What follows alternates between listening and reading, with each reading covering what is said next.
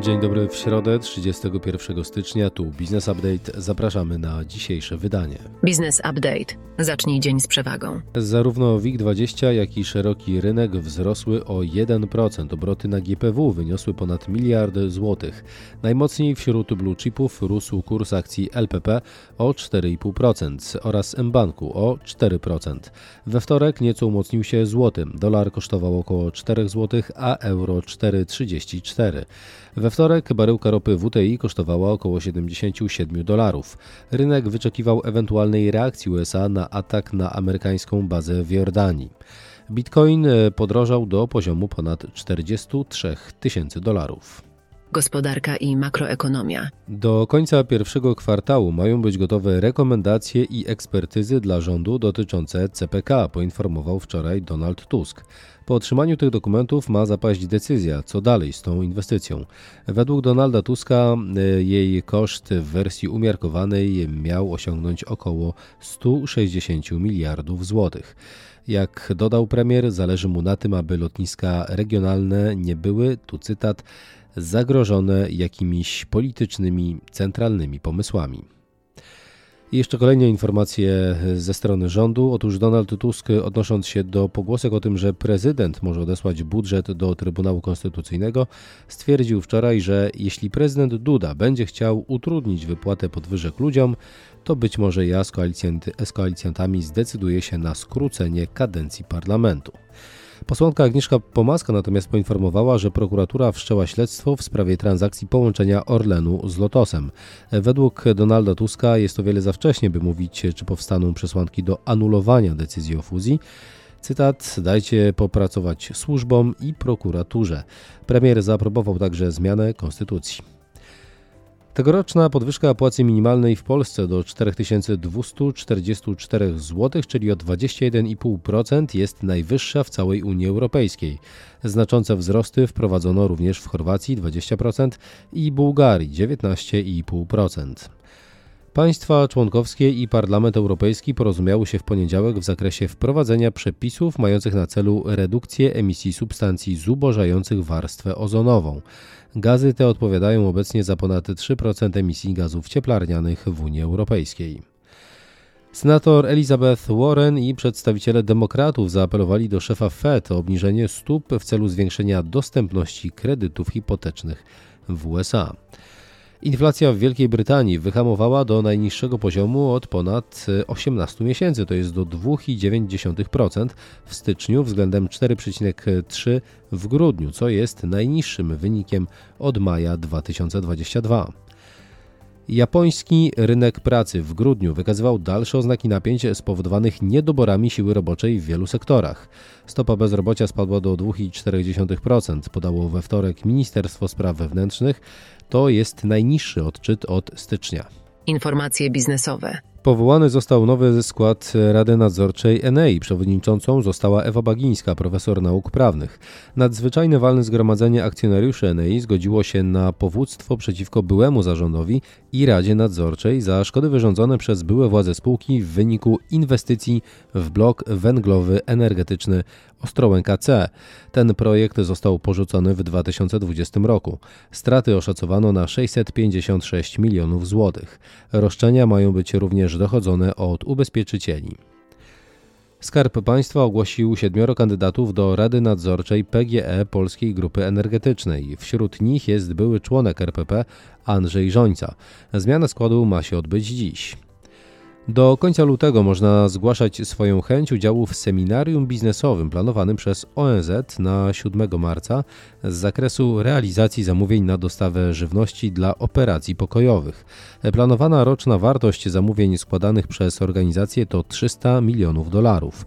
Polskie firmy zrealizowały w 2022 roku dostawy dla ONZ na kwotę 72 milionów dolarów. Fuzje i przejęcia, inwestycje i venture capital. Wartość polskiego rynku venture capital zmalała w 2023 roku o 43% do nieco ponad 2 miliardów złotych i to jest poziom z 2020 roku. Tak wynika z raportu PFR. Escola, spółka informatyczna Krzysztofa Wojewodzica, planuje debiut na New Connect w 2025 roku. Pierwotne plany wejścia na giełdę w 2023 roku zostały odłożone z powodu niesprzyjających okoliczności rynkowych. Spółka rozwija aplikacje mobilne i webowe oraz e, rozwija swoje perspektywy w modelu venture building. W 2022 roku spółka miała około 17 milionów złotych przychodów. Francuski producent samochodów Renault zrezygnował z planów wprowadzenia na giełdę swojej firmy Ampere, zajmującej się pojazdami elektrycznymi, e, która według niego może być warta nawet 10 miliardów euro. To e, ta rezygnacja z wprowadzenia firmy na giełdę związana jest z niesprzyjającymi okolicznościami rynkowymi. Amazon zrezygnował z przyjęcia producenta Roomba iRobot za miliard 400 milionów dolarów. To ze względu na kwestie regulacyjne i opory urzędów antymonopolowych. Producent robotów zwalnia 31% załogi. Prawo i podatki. Premier Donald Tusk poinformował, że z inicjatywy ministra sprawiedliwości Adama Bodnara w zespole międzyresortowym rozpoczęły się prace nad zmianą konstytucji. Zmiana ma pozwolić na ponowne powołanie upolitycznionych instytucji takich jak Trybunał Konstytucyjny. W skład zespołu wchodzą minister sprawiedliwości, a także m.in. przedstawiciele kilku innych resortów, w tym MSZ.